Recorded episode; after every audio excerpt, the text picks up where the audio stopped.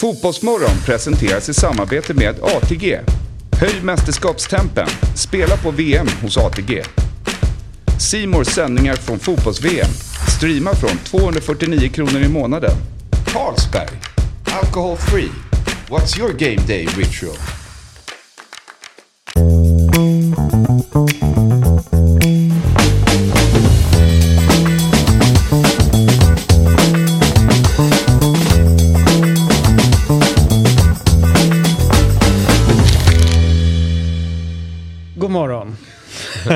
Och hjärtligt välkomna ska ni vara till Fotbollsmorgon. 5 december och eh, mina goda vänner Robin och Jesper är här som alltid. Vilket härligt sätt det är att börja måndagarna tillsammans med er två. Eh, ni ser ju oerhört eh, spänstiga och eh, spirituella ut den här morgonen. Ja, nej men det, det är vi, eller jag och du är med. Mm. Jag frågade dig innan och du är också taggad. Det är en, ja, man ser fram emot måndagar. Ja. Det händer ju grejer på helgerna och man sitter och kollar matcher och man säger det där vill jag prata om och det där vill jag prata om och det där vill jag prata om. Det blir lite för mycket men eh, någonstans så ska vi försöka koka ner det du här. förstå och, nu när jag säger att måndag är Ja. veckans bästa dag? Ja, jag är med dig. Ni har ju suttit och häcklat mig för det. Mm. Även när jag inte varit med så har jag noterat att ni gjort det. Börjar gå mot att jag hör dig men inte att jag är med dig. Nej, jag Det förstår. finns en distinktion där. Det är ju på något sätt att i det lilla beskriva hela vår relation. Eh,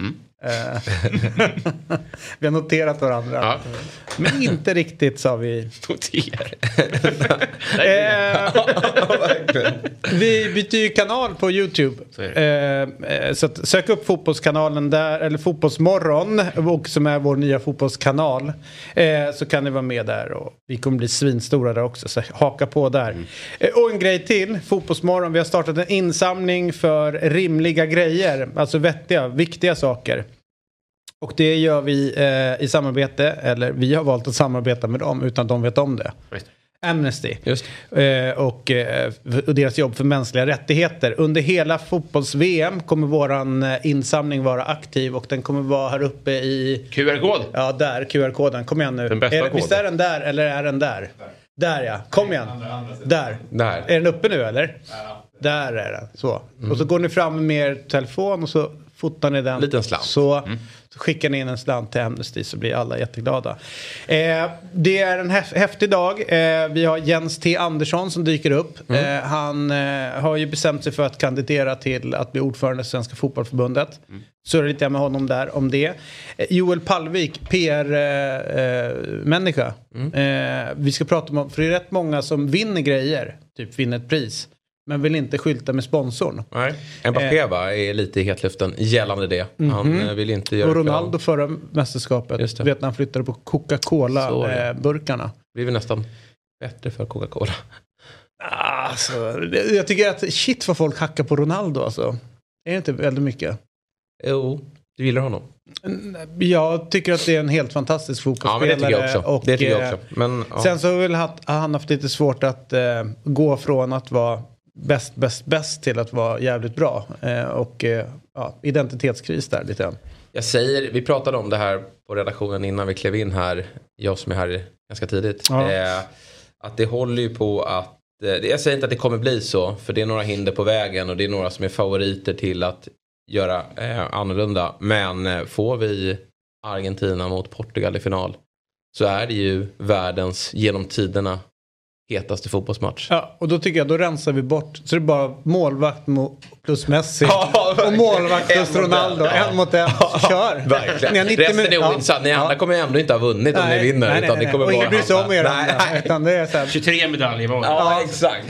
Nu har ni 90 minuter på att göra er Då grej. behöver inte Ronaldo tjafsa om vem som gör mål heller. Nej. Utan är det mål så är det ju förmodligen han. Ja. För Portugal. Exakt. Nej, men grejen är det att om man, ska, bara, om man bara ska ta så här hård fakta runt det hela så är ju Messi större.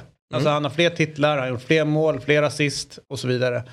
Eh, så att jag håller, alltså i min bok så är det ingen snack om saken. Messi är ju be- en Absolut. bättre fotbollsspelare. Eller den, den Det tycker jag, det lutar mig, jag alltid mot i den eh, tröttsamma diskussionen som jag själv bollar upp ibland och tycker det är kul att diskutera.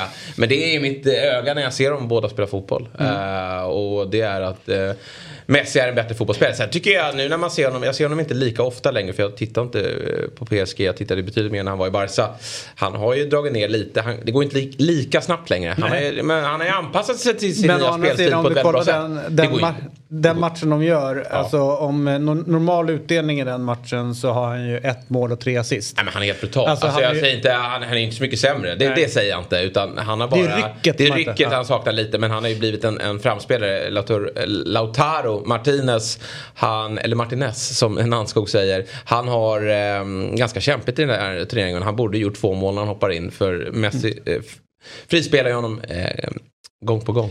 Men det är ju så att på måndagar så är det ju så härligt att inte nog med att man får träffa er eh, och, och sitta och prata med er eller ha en relation med er som sitter där hemma också. Utan det är framförallt att eh, vi alla får en inblick i livet eh, hos Alexander Axén. En fantastisk människa som är eh, före detta fotbollstränare, numera fotbollsexpert. Och han eh, håller till i eh, Örebro. Och innan vi börjar prata fotboll och sådär så hade vi Martin Bengtsson på be besök förra veckan i skuggan av San Siro. Alltså han som eh, blev proffs i Italien. Men PGA psykisk ohälsa eh, vände hem och sen så var karriären borta. Han hade lite koll på dig, Alexandra Axén. Ni är ju båda ifrån Örebro. En stökig och jobbig resa för hans del. Finns det några lärdomar du har tagit ur en ung eh, talangfull spelares eh, säga, eh, resa in i fotbollsvärlden som kanske inte blir det alla hade tänkt? Ja, att elit inte är för alla. Det är den hårda eh, förklaringen. Ja, liksom, det är tråkigt öde för honom, men det är också haft spelare i mitt lag i Örebro som inte kunde sova borta eh, på bortamatcher. Och eh, ja, då försvinner ju själva idén med allt det här. Och så att, eh, det, det, är en tuff värld och jag har sagt det förut, man kan vara hur bra som helst men klarar man inte av det där hårda runt omkring, ja då går det inte. Det är alldeles för hårt, det är en hård miljö alltså. Mm. Eh, jag, jag, vet inte om man får säga det jag säger nu. Eh, men eh, ja, nu är vi liksom framme eh, snart i kvartsfinaler i VM. Och jag kan konstatera att det har varit en helt fantastisk VM-turnering. Eh, kommer ni klappa till mig nu? Blir jag cancellad när jag tycker det? Eller kan man, får man känna och tycka så här? Klappa till dig för att du lindar in det. Mm. Ja. Jag tycker precis som du. Jag är så trött på att se agenda innan matcherna. Jag skulle jättegärna vilja se fotbollsprat. Mm. Uh, för nu har de sagt allt det där. De hade 12 år på sig att säga någonting.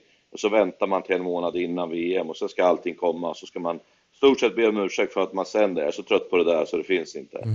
Men uh, det är ett jättebra VM, jätteroligt och skrällar och grejer och alla de bästa lagen börjar växla upp nu. Så att en kanonturnering. Ja, och att det spelas under vintern är ju ett vinnande koncept. Tyvärr måste jag... Det är ju bara så. Och, ja. och, jag älskar ju att kolla fotboll vid den här tidpunkten på året. Ja, ja. Men det kan ju vara en tidpunkt när ligorna kanske är lite trötta, när det är lite mycket serielunk. Nu får vi en VM-turnering med så otroligt mycket på spel här nu också när vi kliver in i kvartsfinal. Och vi får även, förhoppningsvis då, nu har vi inte haft några skrällar. Jag, jag tycker det är charmigt med vissa skrällar. Men när vi är framme vid kvartsfinalen, äh, men då vill jag ut med blåbärsländerna. Eh, då vill jag ha riktiga möten och det, det ser vi ut att få här nu. Alltså grejen är att med, med eh, att det spelas, jag satt ju då i helgen och konstaterade att det här är faktiskt jävligt bra. Mm. Alltså det är ju, man förstår ju nu vinterfolket som sitter då framför eh, Vinterstudion och det är ju ett jättekul program att jobba med och det är mm. fantastiska sporter och sådana saker. Men grejen är det att folk har ju inget annat att göra. Alltså tvn står ju på väldigt mycket och sen så blir liksom att man kommer in och går ut ur, ur sändningen. Samma känsla har ju varit, tror jag, rätt många har haft under fotbolls-VM. Att tvn står på. Mm. Sen är det några nördar, typ vi som är här, som kollar på alla matcher. Men det är ganska mysigt, det där mm. ljudet. Det är liksom lite tips-extra-ljud eh, som pågår Aha. hela tiden i bakgrunden. Eh, fan, underbart. Ja, men som igår, liksom andra advent, det är lite glögg och, och barnen springer runt med granen och, och så har man liksom Frankrike-Polen på ja. och Mbappé bara kör. Alltså, det, är, det är helt underbart. Det ser jag att Axel, han är igång med julpyntet där ja, också. Han njuter ju också till fullo. Åkte julpyntet upp samtidigt som du hade VM på i bakgrunden? Axén. Jag hör inte honom. Nej. Vad har hänt med Axén? Är det uppkopplingen? Mm. jag vill dra arbetarnas ja. lans och säga att det är väldigt många som försvarar att det spelas på vintern och det gör jag också för att jag kan se matcherna. Mm. barn och folk som har vanliga jobb, det är ju sämre för dem. Det ska vi mm. komma ihåg. Att många av de som uttalar sig har ju möjlighet att se alla matcher. Alltså jag har alltså syskonbarn som kan se en match när de förut ja. se fyra matcher om dagen. Mm. Det är ju synd om ja. man går i skolan. Ja. Men livet... Jag, jag, var borta ett tag där, jag var borta ett tag där, men jag hörde lite på Sulle. Men vi ska komma ihåg att när vi tycker att det är så självklart att det ska gå på våran sommar, men det är ju inte sommar på rätt så många ställen i, i världen då. Eh, då kan man ju vända lite på det. Varför ska det alltid vara när vi vill ha det?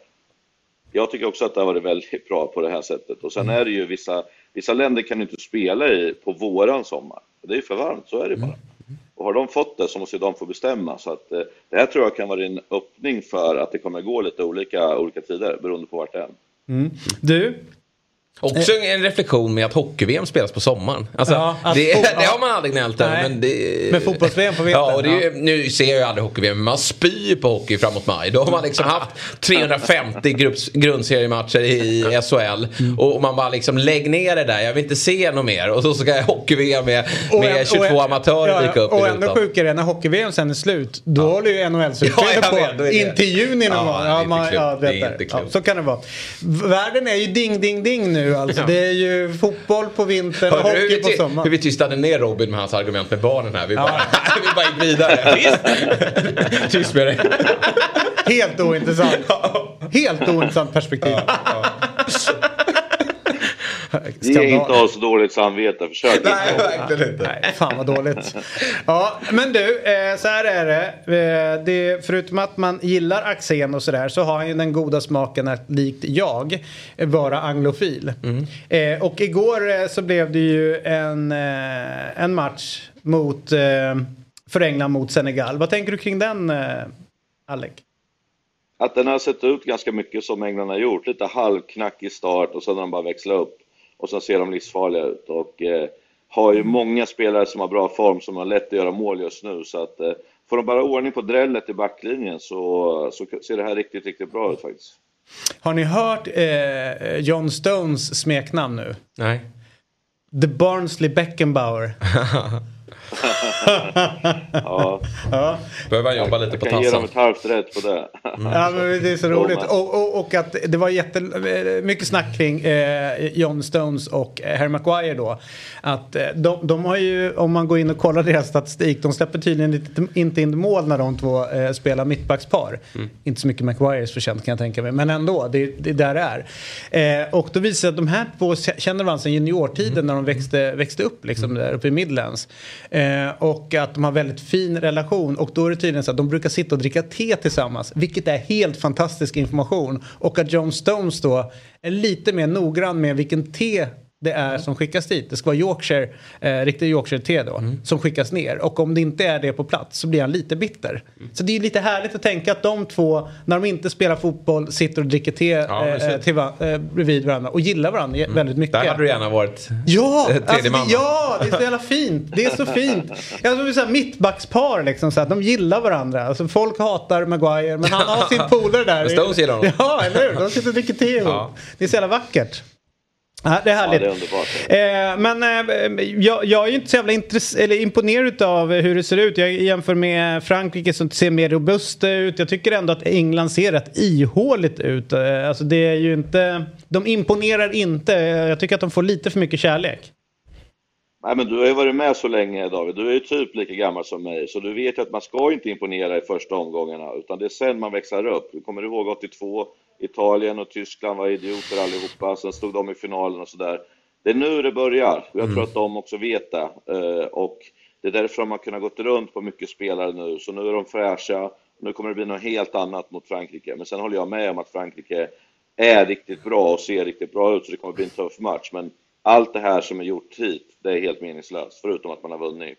Vilka ser du har en inneboende uppväxling i sig? Vilka har inte imponerat men kan vinna ändå? Ja, men jag, jag, alltså du menar, eh, ja, men England är ett sånt lag, eh, absolut. Sen, eh, sen beror det på hur man räknar Spanien och så här, som avslutar dåligt, typ så, men ändå är ju bra liksom. Eh, Brasilien har vi pratat om, det där är också ett lag som fortfarande har grejer kvar tror jag liksom. Eh, men, eh, ja, alltså, då menar jag inte att det blir så här, oj vilken jättestor skillnad, men det finns ändå de här små detaljerna, lite som ni pratar om gårdagen, med lite sämre eller bättre skärpa från Senegal så kan de göra ett eller två mål på drället där nere. Det kommer inte hända mot Frankrike. Frankrike måste vara bättre för att skapa sådana målchanser. Så det tror jag kommer bli skillnad. Sen är England ganska bra på att spela lågt försvar och eh, det gör inte så mycket om de inte har bollen tror jag, just i kontringsstället med de här spelarna. Sen var ju odugliga Kane, han gjorde ändå, låg ändå bakom saker igår som gjorde att han förmodligen får en liten skjuts tror jag, för att eh, han har varit lite tveksam och missar ju bra lägen. Men jag tror att gårdagens match gör att han, han kommer flyga nu. Sen har de ju värde. Det blir intressant att se om han, om han skruvar. Jag tror inte han gör det om han går över till en, en, eh, treback med Kyle Walker som höger mittback bara för att Eh, skärma av eh, Mbappé. Men de har ju världens bästa defensiva högerback tycker jag i Kyle Walker. Han är ju fruktansvärt snabb. Sen har ju han haft ett skadeproblem här mot slutet i Manchester City så han kanske inte är i toppslag. Men de behöver ju honom i toppslag för att kunna rå på eh, Mbappé. Mm. Du, eh, nu var det så att eh, du funderar lite grann här. Jo, eh, det är ju så att det har varit en diskussion eh, på, i sociala medier där eh, Viasats fotbollsexpert och även Mart, eh, Martin Åslund då, som även är med här. Han drar ju en tes om att eh, med det här laget som Frankrike har så är det skandal, typ, om man inte vinner VM-guld. Eh, jag har väldigt svårt att eh, köpa den argumentationen. Eh, du som ändå då är eh, expert då, likt Martin, så får väl du lägga ut texten om han om det stämmer. Nej, men de har ett bra lag, men att det är inte så att det sticker ut mer än något annat tycker jag inte. Sen har ju de alltid möjligheterna, men det jag liksom, det, det är ju lite som Belgien, det är lite som Holland. Det känns aldrig riktigt som det är med kärlek sådär. Det är alltid lite strul, det är alltid några som ska sticka ut i, i Frankrike. Så den där lagsammanhållningen, den är aldrig riktigt sådär som jag eh, tror att de, de skulle kunna få ordning på det så skulle de kunna bli ännu bättre. Men det är alltid någonting som skaver liksom. Ja men om jag säger bara titta på spelare för spelare. Portugal, borde inte de då skratta sig fram till en semifinal med det laget? Jo, lite så alltså kanske. om man då ska gå på samma eh, tes som, ja. som man gör. Mm. Det jag säger, jag tycker inte det håller. Eh, det är ett VM, alltså vet, en slip-up, ja, men vet, så här, i, i ligan om Manchester City torskar mot, eh, fan vet jag, något bottenlag. Det gör ingenting. Eh, därför att de kan ta igen det liksom under de 38 omgångarna som är, som är framåt. Men ett VM, en slippa du mm. ute liksom. Så det är ju ett annat sätt att se på fotboll. Det är ett annat sätt du måste närmare matcherna tänker jag. Men position för position. Jo, men det ser du ju... Förlåt. Ja, kör, kör du Robin. Nej, kör Robin. Nej, men utöver Mbappé eller på strikerpositionen sen 2018, vilka har blivit bättre? De har ju, alltså, det känns som att eh, eh, Varann var bättre. Mm. Umtiti är bättre, som var ju het då. Mm. De hade Pogba och Kanté då. Alltså visst, Coman kanske, men annars så känns det som att de, jag vet inte om de har gått framåt så mycket sen dess. Nej, inte så lag. Eh, alltså, det tycker jag inte. Rabiot är väl betydligt bättre nu än ändå. Liksom mm. så. Men, men absolut sämre än Pogba när, Ja, när han var som bäst. Eller Kanté ja. när han var som bäst ja. och så. Liksom, så, mm. så absolut så. Vad tänkte du säga, eh, Ark? Jag kommer inte ihåg. Robin har så smarta tankar så att det bara försvann. Men jag kommer faktiskt inte ihåg. Men, men eh, eh, det är ju många av de här lagarna, alltså när de får till det, som är, jag menar, vi får tycka vad vi vill om Spanien, men de är ju jobbiga för att mentalt vet jag att du kommer inte ha bollen i 70% Och jag tror att många av de här matcherna nu som börjar komma i kvarten, det kommer bli mycket för länge. Mm. Eh, och sen får man se på straffar. Och det är inte alls omöjligt att det blir där mellan Frankrike och England. Och då vet vi hur det brukar gå med straffar liksom. Så är det ju. Mm. Men att eh, Eh, det, det, nu blir det på något annat sätt. Nu kommer det bli andra grejer liksom. Nu kommer de vara lite mer oroliga och rädda för vissa saker. Så jag tror att det kan bli mycket förlängningar och det gillar vi, ju, vi som vill se mycket fotboll. Men eh, då är det som du säger, små marginaler. Vem som är hetast, vem som vågar mest och sådär. De här klyschorna. Men jag tror att det kommer bli så. Häftigt. Eh, dagens matcher snabbt bara. Vilken, vilka ser du mest fram emot? Jag ser fram emot alla när det är VM. Det är det som jag tycker är tjusningen. Det finns ingen sån här mervärde eller annat. Och det är också så här att när, vi, när man kollar på dubbelmatcherna, där vi också det där är, alltså man mår ju dåligt när det är fyra matcher om dagen och sen plötsligt ska de börja spela samtidigt. Alltså då blir jag... Jag förstår ju när man har problem med eh, olika saker, att man blir stressad och så. För att då är plötsligt två matcher samtidigt, då kunde man välja två olika matcher, då valde man ju oftast fel på stora tvn och, ja. och lilla, för att den lilla varit bättre typ och sådär, som man inte trodde innan och sådär. Så att, nej, jag ser fram emot alla matcher alltid. Jag, jag, jag tycker det, det, det är alldeles för roligt för att man ska välja bort någon. Mm. Härligt! Eh, tusen tack för den här morgonen eh, och tack dartbutik.se för att ni ville vara med i, eh, i Fotbollsmorgon mm. en gång till. Vi väntar fortfarande på vår tavla. Ja, tavlan borde komma snart. Och, och pilarna. Så den är på väg. Den är på väg. Jag har sagt till Martin att uh, han har sagt att den är på väg. Så att ni kommer kunna få tjuvträna. Ni får ju ta med handvraket från Sollentuna också. Ni blir, ni blir, det är bästa om ni blir fem ju. Fabbe. Fabbe tänker jag. Ja. Ja, all right. ja, det är bra. Det, det där var det bästa du kunde säga. Ja, för då, verkligen. nu måste vi sluta. Det, här- det var bra slutord. Ja. ja, det är bra. Tack. Hej Tack, då. tack. Hej. God, God morgon. morgon. Och vi ska ta oss direkt från eh, en pigg och alert eh, Alexander Axén till Joel Pallvik som är PR-konsult på Packtrain. Eh, Sports Marketing Agency är Packtrain och det är ju så att eh, Kylian Mbappé blev utvald till matchens lirare både mot Australien och Danmark. Eh, och uppgifter från L'Equipe gör nu gällande att Kylian Mbappé har valt att dölja Budweiser-sponsringen på prispokalen vid båda tillfällena. Eh, detta för att han inte vill marknadsföra alkohol. Och eh, om ni kommer ihåg från EM tror jag det var eh, att eh, när eh, Cristiano Ronaldo skulle bli intervjuad så stod det två stycken Coca-Cola-flaskor framför honom på, på podiet. Då flyttade han bort dem och ställde fram vatten och var liksom så här, det här vill jag inte veta av. Och det här blir ju superintressant för de här två bo- bolagen går in med jättemycket pengar för att finansiera eh, fotbolls-VM och då tänkte vi kolla då med en PR-konsult, Sports Marketing Agency eh, människa eh, vad, vad det här eh, liksom skickar för signaler. Men först, det viktigaste Joel, god morgon. God morgon. Hur är läget? Det är nyvaket men bra. Ja. Du, eh, först bara, vad är din relation till fotboll? Oj, herregud. Fotbollen, eh, eh, stor relation. Stor Mm. fotbollsnörd och jobbar ju med det. Man kan ju säga att fotbollen har format den man är. Och jag har lärt mig livet genom fotboll helt enkelt. Mm, och det är något Göteborgslag kanske som klappar lite extra där hos dig. Det, det är det. Det stämmer. Blåvitt såklart. Ja, ja, ja. Jag tyckte jag hörde någonting på dialekten som eh, gav bort det. Ja, jag förstår. Ja, eller hur? Ja, där var den. Hur ska man rädda det varumärket? Man ska anlita Packtrain. Ja, jag fattar. Härligt Joel. Du har svar på allt. Ehm, Jajamän. hörru du, eh, Kylian Mbappé vill inte synas tillsammans eh, med Budweiser och eh, eh, Paul Pogba har gjort samma sak. Cristiano Ronaldo tog bort Coca-Cola och sa liksom drick vatten istället. Hur illa är det här för eh, de här eh, samarbetspartnersarna till Fifa? Nej, men det, är, det är givetvis illa. Det är givetvis ehm, problematiskt. Är det. Men inte så illa skulle jag säga ändå. Utan det är, man får titta på kontexten. Är det. Det, det de har köpt egentligen, det, det är exponering.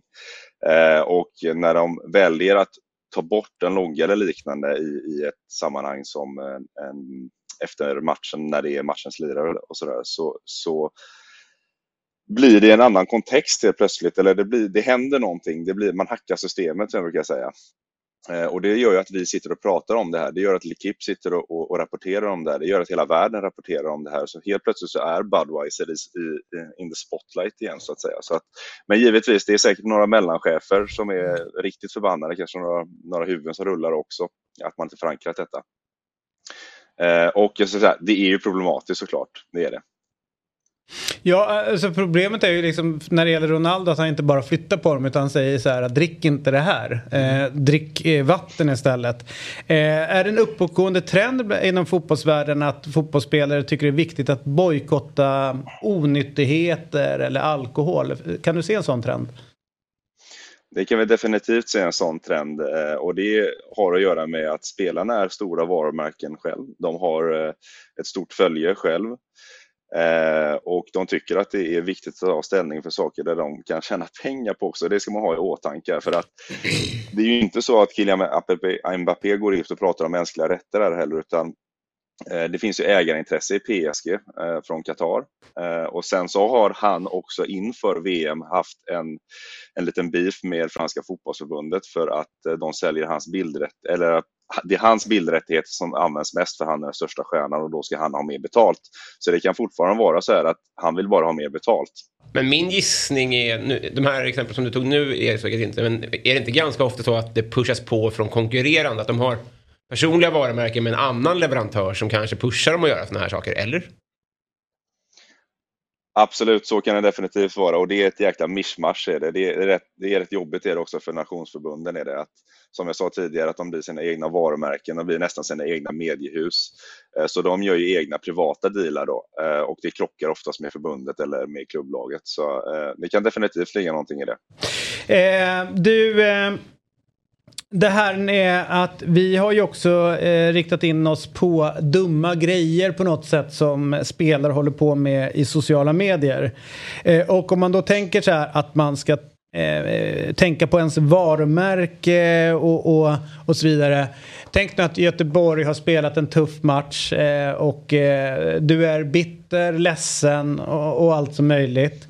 Eh, och på vägen hem så öppnar du upp eh, Twitter eller, eller Instagram eller liknande. Och så ser du att Sebastian Eriksson har lagt upp en bild på deppande Blåvitt-spelare och så står det att inte resultatet vi önskade. Eh, det är, hans kommenter det är så han kommenterar den här matchen. Not the result we wanted. Alltså, borde det inte skada spelarna att hålla på med just den, den där catchphrasen? Den är så dålig och den är så intetsägande. Borde liksom inte liksom, eh, alla som jobbar med eh, spelare och deras liksom, image säga att du får inte skriva det där. Det här är inte bra. Jo, jag, jag håller med, men det finns ju alltid två sidor av myntet. Jag tror jag tror delvis det är en mänsklig reaktion, för att tänka på då jämfört hur det var att spela på 90-talet. Eh, man är ständigt uppkopplad, man är ständigt nåbar, man ser allt, man, man, får allting kastat på sig. Jag tror att det är en mänsklig reaktion att man vill gå ut och, och, och, skriva det. Men jag håller med dig, jag tycker inte att man ska behöva göra det heller. Det här är liksom sport, det handlar om att eh, vinna såklart, men ibland så går det åt helvete. Eh, och det är en del av sporten. Eh, och sen så, jag vet inte, ni har kanske sett den när DN intervjuade mig också, de undrade om är det någon som ligger bakom det här? Kan det vara agenter och liknande? Ja, det kan det mycket väl vara. Eller PR-konsulter som de nämnde. Det kan det mycket väl vara. Eh, men man blandar lite äpplen och päron där igen, för ofta så är det, ni nämnde Pogba tidigare. Eh, och Rabiot tänker jag på också, som har mamma som agent.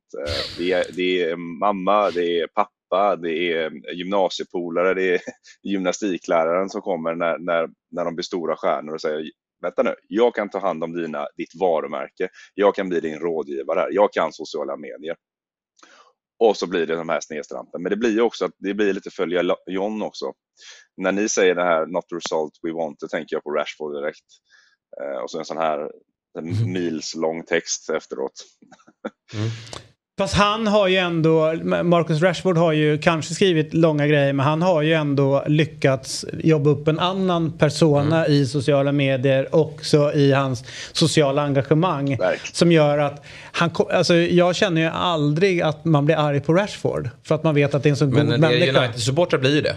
Ja, för att det är onda människor. Ja, ja. men du vet ja. hur, hur, hur, ja, det är det definitivt. Det, är det. Men, men, det är ju också hur laddat det är med, med det sportsliga också. Att ingen kommer undan. Även hur bra gärningar du gör vid sidan av fotbollen. Lyckas du inte prestera i mitt fotbollslag, då blir jag förbannad. Mm. Eh, det visar ju en del på det och då, då vill man inte ha... Ja, men jag tänker bara, fatta hur förbannad de varit på honom om han inte har på med de här grejerna. Ja. Alltså du vet så. Ja, så kan man säga. Eh, jag tror att han... du, ur, ur, eh, din, eh, från din roll då, utifrån din roll som PR-expert, vem tycker du sköter sina sociala medier bäst? Kan du, har du några exempel på fotbollsspelare som du är imponerad av? Ja, det är, det är ganska skralt med det, men jag brukar mm. faktiskt nämna eh, Rashford. För mm. att, precis som David säger, det, han, han bottnar i det här, han gör väldigt mycket. Eh, nu kan jag inte hennes efternamn, här, Megan Rapino. Ja, eh, hon Rapino. är duktig också. Ja, duktig opinions, ja, de är duktiga på att använda sina plattformar som förebilder.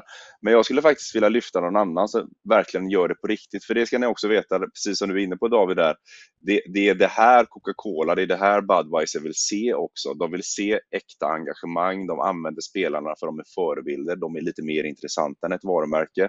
Så mm. när de gör rätt, då blir det väldigt bra. Men jag skulle säga att den som verkligen bottnar i det, det finns säkert fler, men när jag tänker top of mind, det är, det är Juan Mata. Mm. Um, nah, mm, common goal som ja. får, får spelare runt om i Europa att skänka 3 av sin lön Just. till eh, social hållbarhet. Dels det, uh, det, tycker sen... jag är, det tycker jag är på riktigt. Ja, eh, kanske lite för vettig för att vara i den kontexten helt enkelt. Ja. ja. Härligt! Eh, god morgon på dig Joel! Kul att ha dig med! Joel Palvik från Packtrain, en sports marketing agency. God morgon, hej! Fotbollsmorgon är sponsrat av Carlsberg Alcohol Free och det känns ju extra kul att ha med en sponsor som varit en trogen fotbollssponsor och en del av fotbollskulturen ända sedan 70-talet. Ja, det finns ju en väldigt fin historik kring Carlsberg och deras klassiska logga som global sponsor till Liverpool. Det känns som en stor del av ens uppväxt med matcherna på TV. Ja, precis. Och eh, nu med Carlsberg Alcohol så finns ju även ett bra alternativ att dricka under matcherna. Utbudet av alkoholfri öl har ju ökat rejält senaste åren och Carlsberg är marknadsledande i Sverige. Har du koll på hur man tillverkar alkoholfri öl, Axel? Eh, det har jag inte. Det är faktiskt så här att vissa tillverkare avslutar bryggningen genom att koka ölen. Alkohol förångas vid 78,3 grader. Man kan kalla det omvänd destillering. De flesta bryggerier använder dock vakuumdestillering. Detta gör man för att bevara smaken i ölen på ett bättre sätt. Stort tack Carlsberg Alcohol Free som är med och sponsrar Fotbollsmorgon. Då är vi tillbaka i Fotbollsmorgon eh, och nu välkomnar vi in Jens T Andersson. Vad kul att du tog på dig hörlurarna nu. Fan, han är här. Tolk. Ja, precis. Eh, landslagschef på Svenska Fotbollförbundet. Eh, välkommen hit. Stort tack. Vad innebär det att vara landslagschef? Eh, ja, det är en nyinrättad roll i, i, svensk fotboll. Den är mer vanlig internationellt skulle jag säga. Må, många av de andra nationerna som vi spelar mot, framförallt europeiska, har motsvarande roll. Vilket vi inte har haft i Sverige tidigare. Vi har haft den fördelad på de fyra olika, ja, herr, dam, pojk, flick och sen nu även futsal. Eh, så att jag har kommit in och... Eh, Övergripande mer, ja, över precis. Dem. Mer titta på liksom en strategisk nivå och utvecklingsansvar. Och vad gör vi idag? Vad skulle vi kunna göra bättre? Och, och vad ska vi göra mer av och mindre av? Och så vidare. Och om man är chef, då tänker jag, är man ju en exekutiv befattning. Kan du sparka Janne precis när du känner för det? Nej, det kan man inte göra. För att förbundskaptenerna för våra representationslandslag, de tillsätts av styrelsen i Svenska fotbollsförbundet. Så att ytterst är det styrelsen som står för den Men du rekommenderar? Beslut tillsammans med generalsekreteraren. All right. Eh, vi ska också säga att du har ju eh, då valt att eh, kandidera till ordförande för Svenska Fotbollförbundet. Karl-Erik Nilsson lämnar ju posten eh, nu i nästa eh, årsstämma eller årsmöte eller vad ni nu kallar det för inom fotbollen. men du har en gedigen bakgrund inom fotbollen. Bördig Uppsala va? Mm, precis. Och eh, bor fortfarande kvar där. Och ja. har gjort under eh, alla mina år, även de åren jag bodde utomlands, så har jag haft boende kvar där. Så att, eh, jag trivs där och tycker att det är lagom avstånd till Stockholm på det sättt. Hur är det att växa upp på ett ställe där det inte finns några kullar och berg? Vi har ju Gamla Uppsala-högen. Ja, det är riktigt that's, bra. That's it. Där lekte jag som barn. Ja. Ett speciellt ställe det där på alla sätt och vis. Eh, men berätta nu, eh, varför vill du eh, bli ordförande?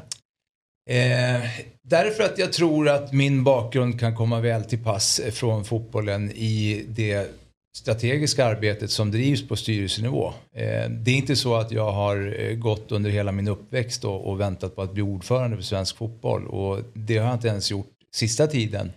Men i takt med att jag blev lite uppvaktad här under början av hösten och eh, började resonera lite grann med folk och sådär så kände jag att det kan vara ett bra tillfälle. Man har ju ofta åsikter om saker och ting, vilket ni också har och Nej, jag också om saker och ting. Och eh, då tänkte jag att eh, men då är det ett bra tillfälle att ta lite ansvar för det och eh, se vad man själv kan bidra med om så blir fallet. Så därför tackade jag ja till att bli nominerad. Mm. Eh, vilka var det som låg på dig?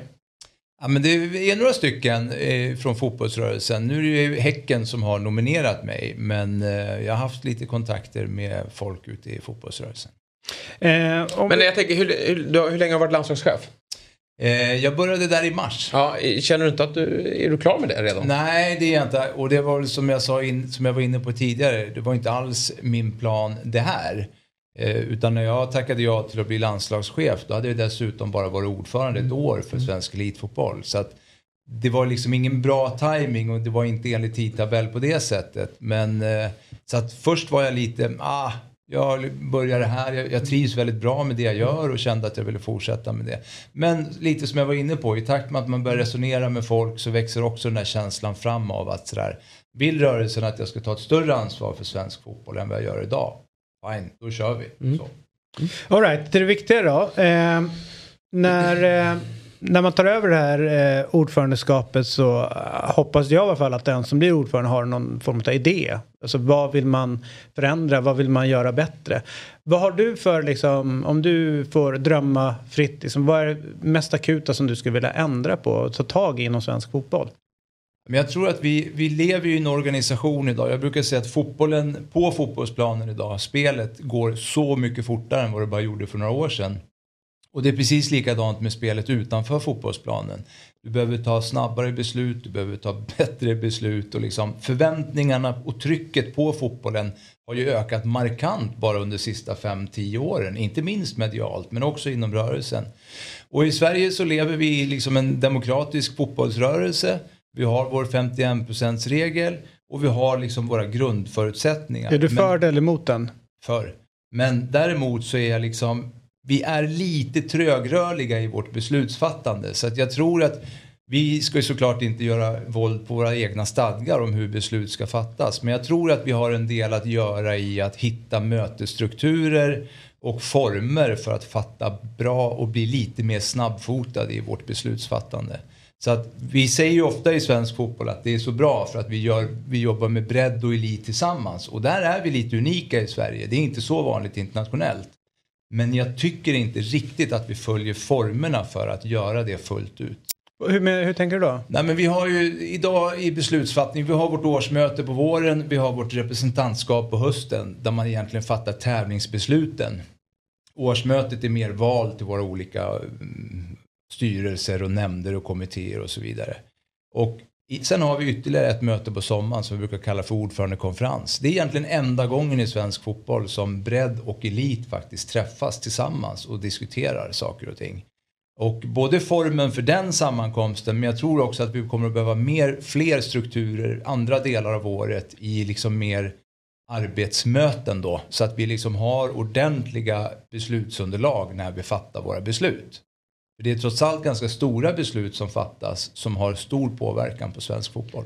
Finns det någon eh, förebild om man ser till andra förbund runt om i Europa eller i världen som du tycker att de där jobbar på rätt sätt, där går det, där går det undan? Nej, alltså det är jäkligt svårt att jämföra nationerna och strukturerna och kulturerna eh, mellan länder. Men det är intressant att liksom titta in hur de andra gör. Mm. Och som ett exempel nu så, så var jag besökte Portugal här under hösten. Och där väljer man en ordförande på fyra år. Sen måste den ordförande ta ligans ordförande som vice ordförande. Mm. Och därefter väljer ordföranden själv 12 personer. Och sen så får de fyra år på sig. Mm. Har de uppnått det som rörelsen i Portugal tycker är bra, ja men då blir han omvald. Och har de inte gjort det så tar man in en ny. I Sverige har vi liksom mer en representativ styrelse där man sitter som representant för svensk elitfotboll, SEF herrarna eller EFD för damerna eller distrikten då. Och så har du en ordförande. Så att det är olika sätt att göra mm. det på. Eh, jag tror inte att det portugisiska sättet går bara att lyfta in i svensk folkrörelse på det sättet. Däremot så finns det ju såklart saker man kan liksom titta på och skruva på och hämta från varandra. Det mm. tror jag definitivt att det gör. Eh, går det att förena de två då? Elit och bredd? På det sättet som eh, jag tror kanske att fotbollsrörelsen tror att man, eller som fotbollsrörelsen ja, kanske alltså, vill att man... Utifrån hur vi är strukturerade så måste vi göra det i princip. För att jag säger ordförandestolen idag i svensk fotboll, den, den, den bygger på fyra ben. Och det är bredd, det vill säga distrikten och alla våra typ 2900 föreningar där verksamheten verkligen bedrivs. Och sen så har du det andra benet som är elitdelen som är förhållandevis liten procentuellt om du tittar på utövare i fotboll. Men som har en enorm betydelse för fotbollens popularitet både på herr och damsidan såklart. För att du behöver ha de stjärnorna för att bredd och ungdomar ska få något att drömma om. Och sen har du den internationella delen som tillhör ordförandeskapet också. Och slutligen så har du en politisk del. Och alla de fyra måste liksom samverka och sitta ihop för att annars vickar stolen. Har vi varit eh, väl tunga på den politiska delen innan tänker du? Eller vad, vilken, vilken av de här fyra benen har fått minst istid? Om man nu får säga att det är speltid. Eh, ja, istid vet jag inte. Men ja, svårt att liksom uttala mig om hur det var. Jag har ju inte satt mig in i de här frågorna sedan 15 år tillbaka. Men har ju varit det under senare tiden. Jag tycker kanske att vi i fotbollen har varit lite halvskrala på den politiska delen. Tittar vi här i Stockholm till exempel på anläggningsfrågorna så liksom så är det som att vi kommer på det inför ett val när det är några månader kvar. Och så här, ja, nu måste vi trycka på. Det är ofta lite sent och det, det blir inte så mycket mer än ett litet rop sådär. Där tror jag att man strukturerat måste jobba över mycket längre tid med påverkansarbetet för att nå fram med det. Mm, det, det, är någonting vi har pratat mm. om här, eh, mm. anläggningsbrist, alltså planbrist. Men även kostnader. Ska det kosta så mycket att spela fotboll som det gör? Nej, det, alltså, det ska nog finnas både och. Eh, jag säger inte att det är, om du pratar föreningarnas avgifter nu eller de kommunala avgifterna. Ja, men både, vi, tar, vi tar föreningarna som kanske är det som blir drabbats utav de Eh, alltså ja, så blir det ju såklart. Att I slutändan så blir det någonstans föreningarna och utövarna som får betala. Men jag tror att du ska ha, liksom, det ska finnas valmöjligheter åtminstone. Det ska inte vara så att du inte har råd att spela fotboll. Dit får vi aldrig hamna. Men är det så att du är i en klubb eller en förening som bedriver sin verksamhet på ett speciellt sätt som gör att det är lite dyrare. Så ska du åtminstone kunna välja eller välja bort. Men att, att ta bort det och förbjuda det, det tror jag inte. Men kostnaderna är ju ett problem. Kostnader och tillgång till planer är ju någonting som jag hör när man är ute med, med kidsen. Här i Stockholm va? Precis. Ja, men det är ett ganska stort distrikt. Om man tar, ja, nej, om man tar det. Men jag bara tänkte, och, och, och, det ser bättre ut runt om i, i landet. Men här i Stockholm ja, är det problematiskt. Jag vet inte hur, hur det ser, om det ser mycket bättre ut. Jag har en kompis som sitter som ordförande på någon ja, men liten eh, landsortsförening. Men sam, samma sak där liksom med att, att priser eh, stiger. Det blir dyrare och dyrare. Och de har spelare som inte kan fortsätta spela fotboll för att kostnaderna är. Och det här har ju smugit sig på, eh, de här kostnaderna. Va, vad beror det på att det kostar mer nu? Ja, alltså jag gissar att det är samhället i övrigt. Och när det är kommunala anläggningar så åker priserna upp i samband med att de kommunala organisationerna inte går som de ska. Så det blir ju en följdeffekt såklart. Men jag tror också att vi i svensk fotboll behöver lite grann, vi har, en, vi har en tradition och en historia av att vi vill göra likadant överallt i landet. Och det där tror jag vi behöver komma ifrån lite grann. För att nu pratar vi Stockholms distrikt, men pratar du Uppland eller Norrbotten eller Skåne så har vi liksom helt olika förutsättningar och helt olika behov. Och där måste vi ha liksom en flexibilitet tror jag i våra distrikt så att vi kan göra på lite olika sätt. Inom ramen för vad som är okej okay för svensk fotboll såklart. Men eh, det är klart att det där är en del av det och anläggningsfrågan den är, det är anläggningsbrist i Stockholm. Det finns andra distrikt där vi har anläggningar står som inte nyttjas fullt ut. Och då blir det en kostnad för de få som faktiskt utnyttjar dem också. Så att problemen ser lite olika ut i olika delar av landet. Vad, vad är det mest akut inom fotbollen då som du känner att det här, eh, det här brinner nu? Ja, men jag tror att eh, nummer ett är att, att få ihop bredd och elit eh, än mer och hitta strukturerna för, för hur vi ska jobba framåt. Vi har nu till exempel till det årsmötet som kommer så, så finns det någonting som det kallas för Göteborgsmotionen. Det är några föreningar som via Göteborgs fotbollsförbund då har kommit in till Svenska fotbollsförbundet. För mig är det ett rop på hjälp men det man säger är att man vill komma åt en del av SEFs pengar, det vill säga Svensk Elitfotboll, herrs pengar. Deras intäkter har ju stigit rätt rejält under den sista tioårsperioden och nu vill man att en del av de pengarna ska rinna ner i rörelsen. För mig är det en form av konsekvens av att RF gick in tidigare och satte en takregel för verksamhetsstödet.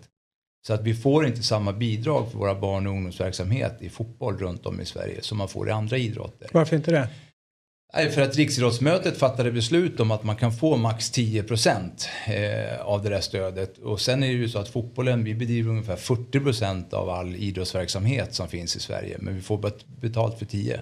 Så att en timme för eh, din dotter eller son eh, som spelar fotboll är värd mycket mindre än i en annan idrott. Och det där har ju slagit väldigt hårt på fotbollen såklart och som en konsekvens av det tycker jag man ser att Göteborgsmotionen nu som i det här fallet får liksom känneteckna lite mer breddföreningar, i alla fall under eliten, men det är division 2, division 3, division 1 föreningarna. Vill ha en del av elitkakan.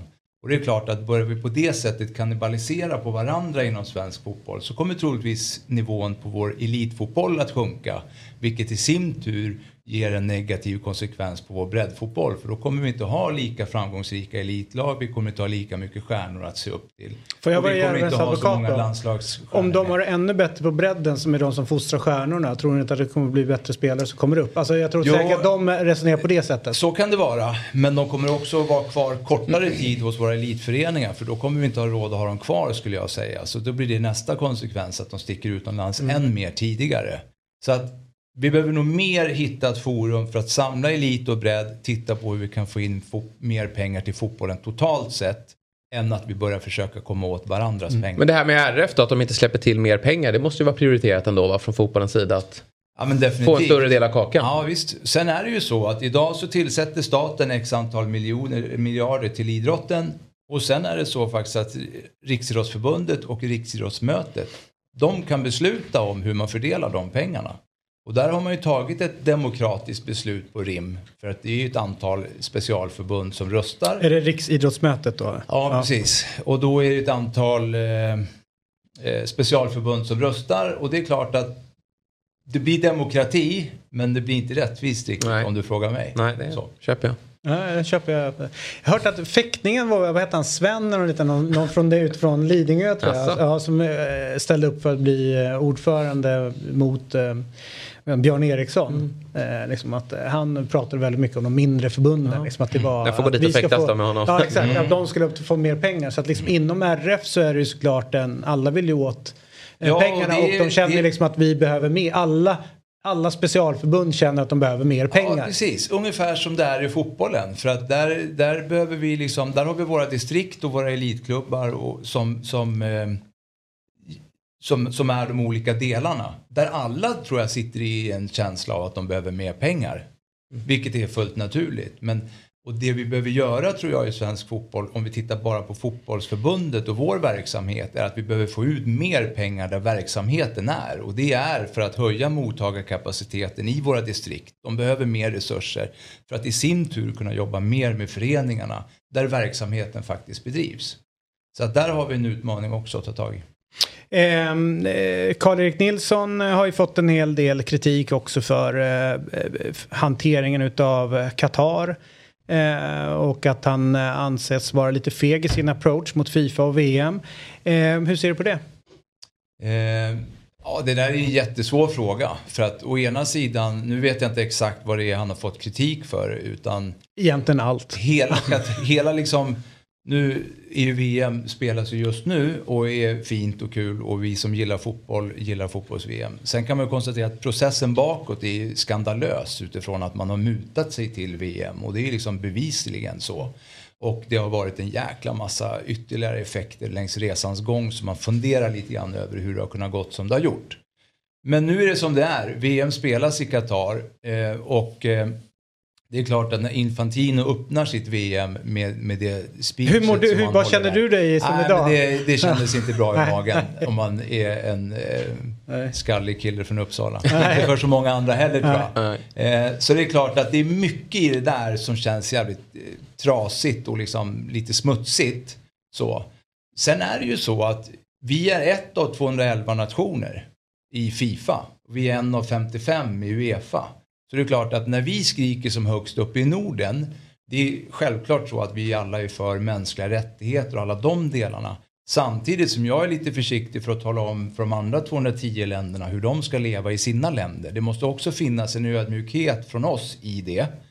Men definitivt så ska vi stå upp för våra värderingar och Men vår eh, om du jämför hur Norge och Lisa Klaveness har hanterat situationen där Sverige framstår som lite mer passiva Ja. i sammanhanget. Hur ser du på den Ja, skillnaden? jag, tror att det är, jag tror att du behöver kunna göra både och. Ibland behöver du sätta ner foten och liksom skrika till och, och få dina rubriker som också ger internationell press som jag gissar att det får göra för Lise. Och ibland så tror jag att du behöver lite grann ta dig fram för att vara med där beslutet ska fattas i det rummet. Så att jag kan nog inte säga att du kan göra bara på ett sätt utan du behöver nog hantera båda. Sen är det ju svåra frågor och det är ju inte frågor som, som Vad är, det som vardags- är, vad är det som är svårt i dem? Men jag- alltså, om jag- man ser Jo, men om du är verksam inom fotbollen och det är ett fotbolls-VM på gång så tror jag att du liksom är inställd på en viss typ av fotbollsrelaterat. Och sen när du kommer helt plötsligt in, jag menar titta på, titta bara på vår liksom insikt i gästarbetarnas situation i Qatar. Den har ju gått från 5 till 100 procent insikt på, på några månader. Så att vi, vi lär oss ju hela tiden under resans gång Fast skillnaden är ju att, eh, och nu är det inte ditt, eh, för, för det här var innan du började på förbunden, men, men du, du är verksam i en organisation som gick ut och ganska stolt eh, och, och, och sa att vi är här nere och påverkar, vi har ett långsiktigt engagemang här nere. Så att liksom, det kan inte ha kommit som någon överraskning för fotbollsförbundet, utan de säger ju själva att De har full koll på det som har hänt. Ändå så uppträder han så pass passivt i det hela och Mm. inte liksom uttrycker det som, som de har gjort. Det är det som jag tror många stör sig Ja. över. Nej, och så, det får väl i sådana fall Karl-Erik stå för tänker jag. Jag har lite svårt. Jag tror också att det är, han har en liten utmaning utifrån att han sitter i, i, i Uefas exekutivkommitté och hanterar Fifa mer på en vardaglig basis än vad vi kanske gör i, i Sverige då. Så det är möjligt att det har spelat in, men jag tycker att han har gjort det förhållandevis bra. Sen hade vi såklart allihopa tror jag kunnat varit tidigare och tydligare med vad vi tyckte om Qatar-VM. Infantino, bör han sitta kvar?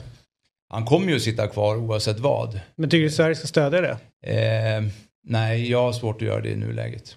Men just nu, vad är det som skulle kunna göra för att han får en till chans givet hur det har sett Men ut det under är det här alltså, jag är av uppfattningen att alla människor har en chans att förbättra sig och göra saker och ting bättre imorgon än vad man gjorde igår. Så att är det så att han slår sig in på den vägen och liksom fattar beslut och gör uttalanden som passar oss bättre, då har jag liksom inte sållat bort honom för all evighet. Men jag tror att han i det talet han hade nu talar nog till de andra kontinenterna i större utsträckning än till just Europa. Det är ju också så att tittar du i världsfotbollen så är Europa en fjärdedel ungefär av, av liksom totala Fifa. Men vi är de med de bästa ligorna och mest pengar. Så att jag gissar att det finns en del relationsproblem kontinenterna emellan om man tittar ur ett Fifa-perspektiv. Och det är ingenting som jag ligger och funderar över varje kväll när jag ska sova på något sätt. Men jag kan, jag kan se att det är så i alla fall. Fast en fråga som om du blir vald kommer landa på ditt bord. Till exempel att eh, Danmark, eh, England, eh, Tyskland och några andra funderar på att lämna Fifa helt och hållet. Mm. För att det liksom inte håller. V- vad tänker du när du ser sådana rapporter? Nej, men det är ju såklart ett, ett rop på att någonting inte är som det ska vara. Eh, och det är klart att det, de frågorna får vi ju borra i när vi kommer så långt. Men jag har svårt att tro att vi som ensam nation ska, vi behöver liksom gå samman i större utsträckning. Och vi är ju inte ens överens i, i alla frågor inom Uefa heller. Där vi trots allt bara är 55 nationer.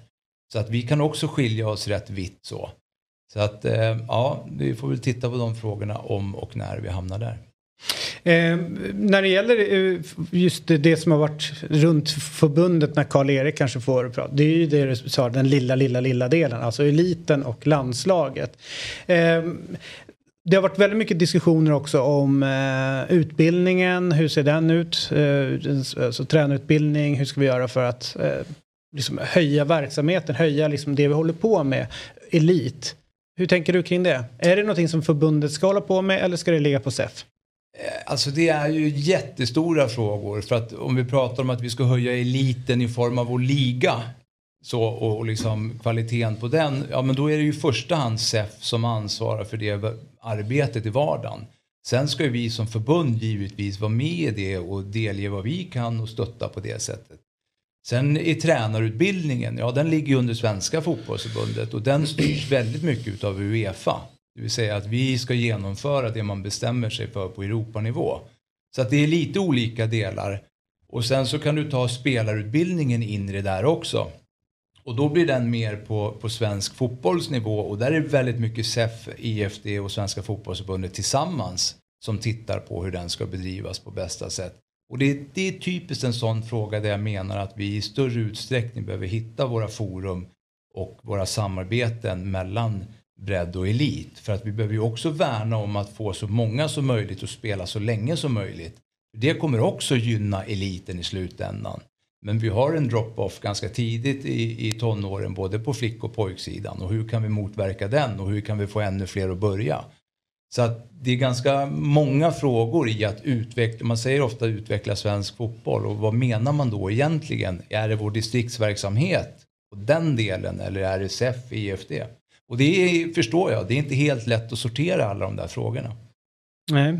Hur ser du på damfotbollens roll inom fotbollsfamiljen? Ja men den är ju i svensk, alltså i Sverige är vi ju extremt duktiga på, på damfotbollen och har ju haft den under lång tid. Och vi har ett landslag idag på damsidan som är rankade tvåa och som ligger närmare första platsen än vad vi har gjort tidigare. Samtidigt så har vi en liga som har generellt varit väldigt högt rankad och som har varit väldigt, väldigt bra. Vi har fått mycket utländska spelare till oss och liksom haft ett gott renommé. Men nu händer det ju en väldig massa ute i Europa. Och jag brukar säga generellt så att det som händer i Europa, fem tio år senare så hamnar det liksom i, i Skandinavien och i Sverige. Men nu är ju konkurrensen någonting helt annat. Så att jag tror att damfotbollen som liga i Sverige kommer att få jobba en del och tittar vi över ett längre perspektiv så kommer den kanske att falla lite grann i rankingen och mer motsvara det vi har och ser på här sidan. Det vill säga att vi ligger lite ner, längre ner på rankingen och blir nästan en, en talangliga som, som skickar ut i de europeiska storligorna. Och det är nog inte otänkbart att vi kommer att hamna där på damsidan också. Är inte det ett misslyckande om man har den pole positionen sedan tidigare? Att inte ja, finnas kvar i toppen och att acceptera att man faller ner på där herrallsvenskan ligger? Nej, ja, både och skulle jag vilja säga. Det är klart man kommer göra allt vi kan och vi kommer att, att göra precis allt i vår makt för att behålla vår position. Men tittar man generellt sett så kan man säga att ekonomin styr väldigt mycket och vi kan som inte riktigt konkurrera med de pengarna som de större klubbarna nu pumpar in i, i damfotbollen. Precis på samma sätt som att vi inte kan konkurrera med de stora klubbarna på herrsidan. Så att det är inte att vara negativ på det sättet men ska jag vara lite realist så skulle jag säga att vi kommer att gå åt det hållet. Sen ska vi bromsa det och stoppa det så tidigt vi kan. Men det kommer att vara en utmaning. Härligt! Tusen tack för att du kom förbi. Tack nu ska vi ta oss vidare och ta oss an eh, dagens eh, matcher. Eh, och det gör vi tillsammans i samarbete med Simor Där du streamar VM-matcherna utan avbrott. Mm. Och ikväll då... Jag kör ju allt där. Jag kör ju även SVTs matcher på Simor Så den bara ligger och tuggar. Ja. Ikväll så är det ju då 19.30. Mm. Robinson. Just det. Det är synd att vi inte fick prata med Axén om det igår. För hans häst i den här, alltså den han har trott på eh, från början. Hon åkte ju igår. Mm. Sofia. Ja. Eh, sorry för er som inte har sett den nu. Ot äh, Otto har inte sett, men Sofia rök. Som, som eh, ja, verkligen. Sånt där kollar man ju på söndagen. Ja. Eh, nu är det ju dock lite problematiskt när man har fotbollen igång, men man får med Ja, men man hinner precis emellan. Det second screen. nu när det inte går två fotbollsmatcher så kör man... Eh, Nej, men alltså första matchen är ju slut. Eh, då hinner man ju käka och dra Robinson Absolut. innan andra matchen börjar. Sen har du Simor kan du se det när du vill på, på dygnet. Mitt mm. mellan här kan man ja. upp det mm. från eh, Simor. Och då är du även där utan avbrott. Det är bara att snurra på. Ja, ja. 21 minuter obruten följd. Ja, underbart. Ja, eh. Men eh, här ser vi fram emot Neymars återkomst ja, i Ja, men eh, framförallt så börjar vi med 16 matchen innan. Då är det Japan mot Kroatien. Just det. Och Japan in som favorit? Nej, nej, nej, nej. Kovacic spelar ju där. Jag tycker Kroatien ser ganska de är lite farliga, de känns tunga alltså. Ja. Eller hur? Ja. Det enda, ja. Nej, jag tycker de ser... Och, och att man vet att det, de när som helst kan få en smäll och göra det. Alltså, det är brassarna de får nästa va? Om ja, de, de här två mm, möts. Det blir tufft. Men, men äh, Kroatien är lite småjobbiga. Uh, och uh, det var ju frågetecken kring vilka i Kroatien som skulle göra målen. Men det tycker jag ändå att uh, Kramaric och, och gubbarna har Ja, ja det är inga konstigheter. Sen har jag, jag är jäkligt, och det är inte bara för att han numera är i Chelsea utan jag gillar honom e- även i Real Madrid. Men det är Kovacic. Mm. Så det är ju en, eh, en, en fascinerande fotbollsspelare som inte är så många utav just nu. Mm. Men du vet så här att det känns som att han är mycket bättre än vad han egentligen fattar att han är. Han skulle ju när som helst kunna liksom bara liksom driva igenom, bryta linjer och göra sin grej. Men att han eh, liksom så här nästan lite frustrerande att sitta och kolla på honom. För man tänker att du kan få ut lite kommer, mer utav det du har. Jag tror han kommer växla upp när Modric slutar. För det, alltså Modric är ju fortfarande nummer ett och han är bättre. Men jag tror att det är svårt ja, ja, att vara två, så, två så skickliga äh, mittfältare så tror jag att det finns bara egentligen, för om du vill få ut max av dem, det funkar ju bra ändå. Men då, då finns det nog bara plats för en. Ja, och, och eh, liksom att Modric också liksom gillar att liksom gå framåt. Ja. Att när han spelat med Jorginho till exempel i Chelsea mm. så kanske när det funkar bäst då brukar Jorginho sitta kvar så kan Kovacic liksom ta sina mm. löpningar. Nej, men, men, Rakitic glömmer vi bort att han inte är kvar i, Nej. nu är det länge sedan han slutade mm. men just 2018 där så var han jäkligt viktig ja, för Rakitic och Modric. Eh, han var deras... 30 när han la av i landslaget. Han, han, kan han vara 89 eller något sånt där? jag vet inte. Han, jag tror att han något år, eh, han och eh, Modric inte, skiljer inte jättemycket i ålder ah, okay. tror jag. Men Modric 85 eller något sånt där?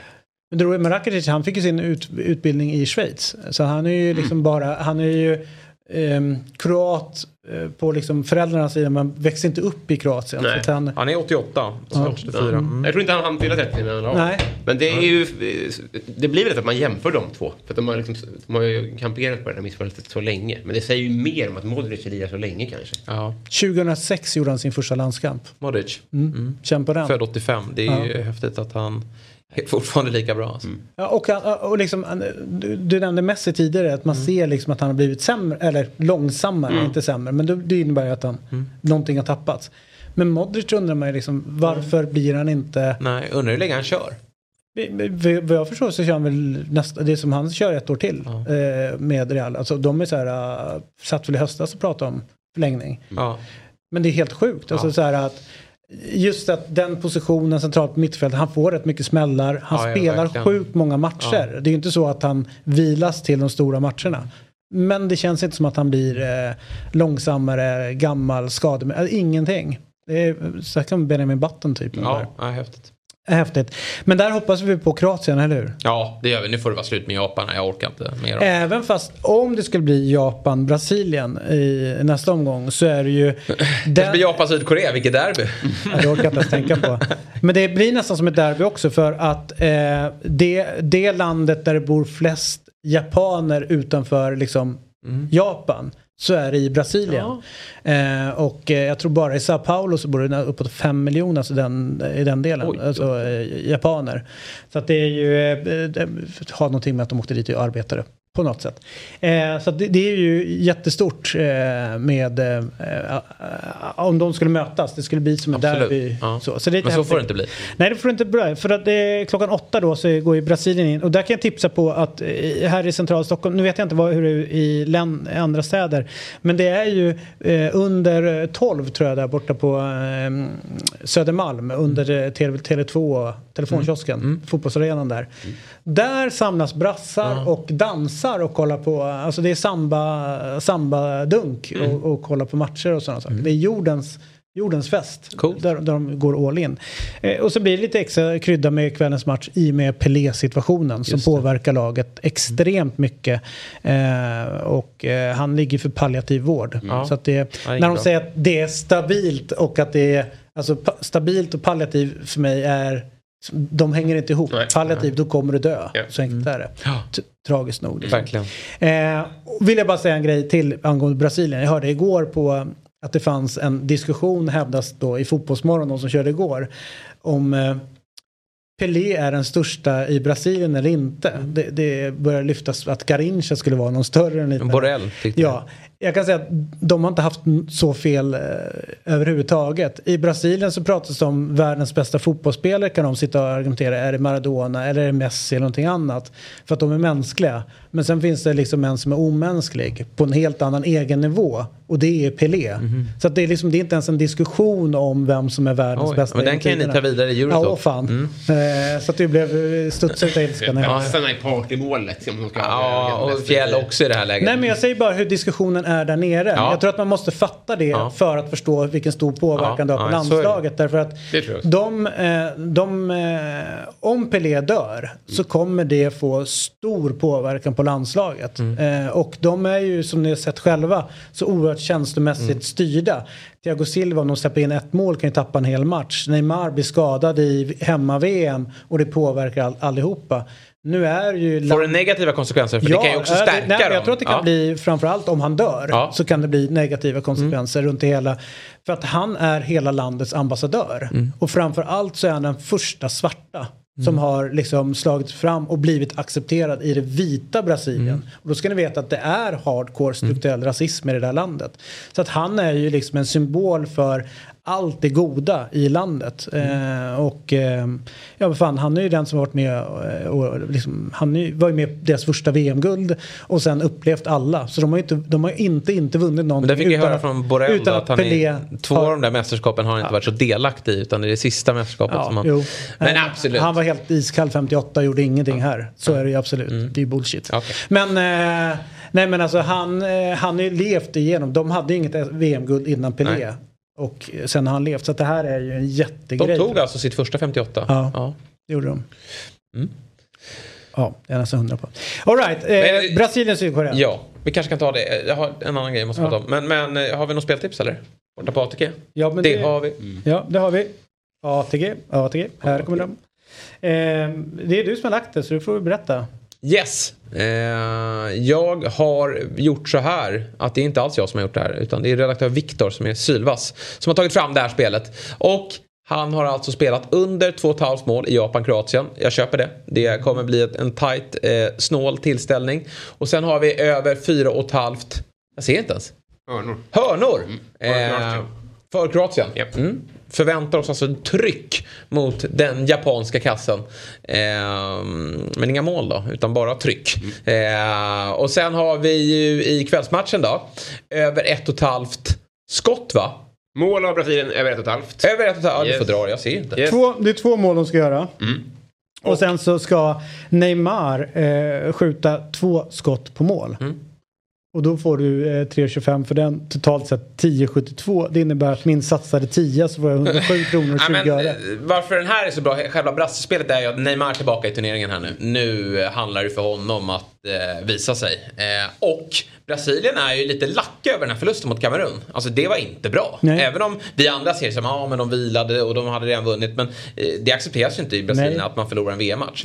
Så att här handlar det nu om att kliva ut och, och, och eh, visa hela fotbollsvärlden att vi är att räkna med i det här slutspelet. Och jag tror Sydkorea, såg man bilderna när de gick vidare, de har lite de de, reagerar ja. lite för mycket på det där. De, är, de har redan nått sitt mål.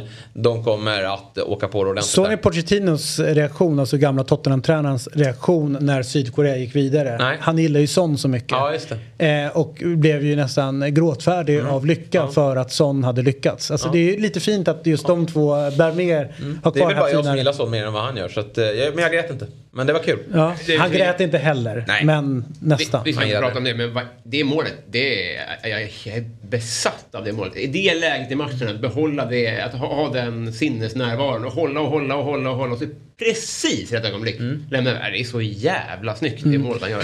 Jag, är- jag är ju svag annars för Mbappés båda mål. Igår, ja. ja. Bara när han viker, viker Ja. upp dem liksom. Så det är så häftigt så det finns inte. Nej, men just, jag gillar ju skottet mot första stolpen. Ja. Alltså sådana avslut är så häftiga. Det, det där borrande i höger är ju jättesnyggt också. Men det kan väldigt många fotbollsspelare leverera. Men att Mbappé kan skicka den i första, Nej. det älskar jag. Och det gör ju ganska ofta. Och ganska tryck på den Ja. också. Det är inte så att den, den smeks upp där Nej, utan det nej. smäller bara till. Nej, brutalt mål. Men jag måste också få prata om en annan grej. Glöm inte att det måste vara minst 18 år för att få spela och stödlinjen.se finns till hands om man har problem med sitt har- spelande. precis. Men Raheem Sterling fick ju lämna turneringen Nej, igår. det är så tråkigt. Det är så Otroligt tragiskt. tråkigt. Men ni vet vad som har hänt va? Ja, alltså det, och Men- det här är vanligt. Det här Ja, händer jag- för jag- ofta. Men, ja, men det här det får ju inte hända mer. Vänta nu, de här gubbarna tjänar 4 miljoner i veckan. Kan, kan, kan vi inte ha folk på plats?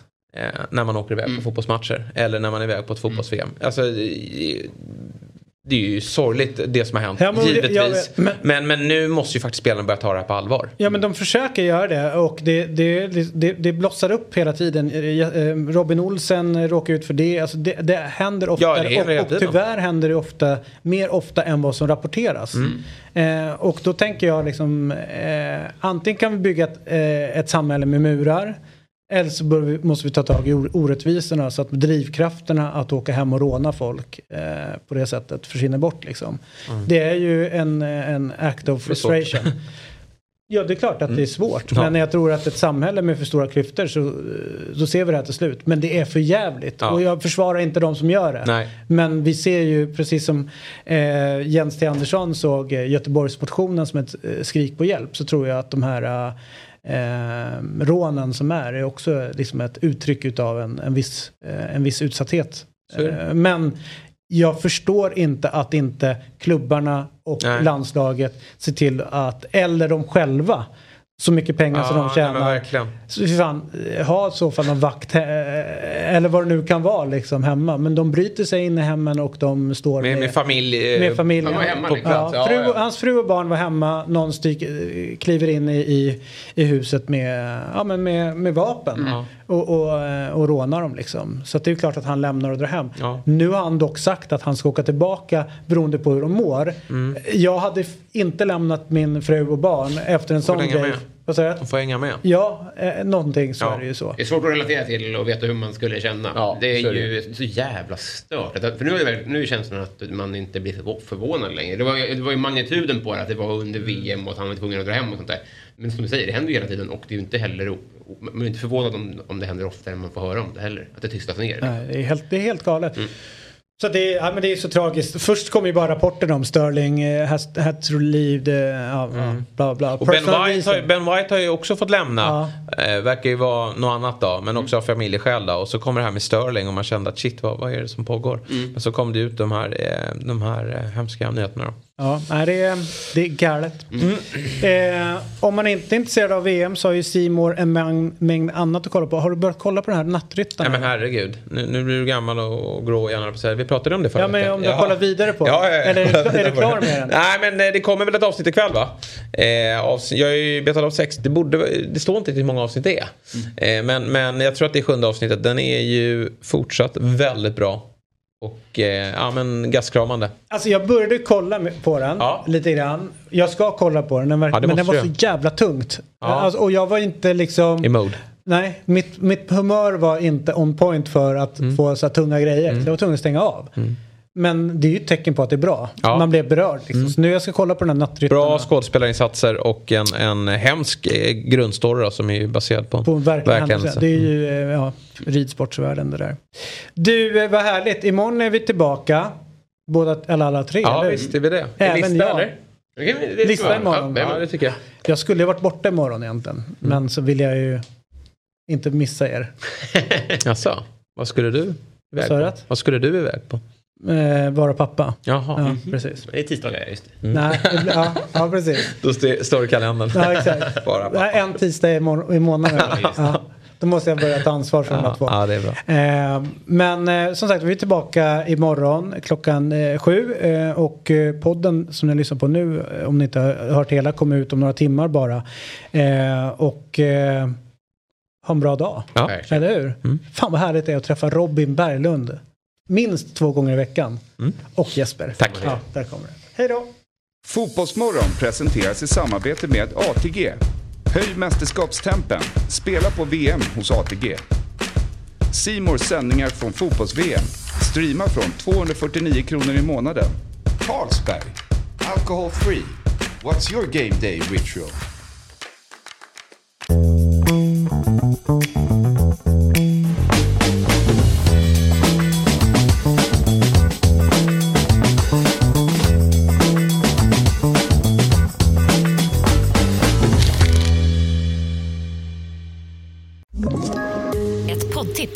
Podplay. I podden Något Kaiko garanterar östgötarna Brutti och jag, Davva, dig en stor dos skratt. Där följer jag pladask för köttätandet igen. Man är lite som en jävla vampyr. Man har fått lite blodsmak och då måste man ha mer. Udda spaningar, fängslande anekdoter och en och annan arg rant. Jag måste ha mitt kaffe på morgonen för annars är jag ingen trevlig människa. Då är du ingen trevlig människa, punkt. Något Kaiko, hör du på Podplay. Därför är gardinerna.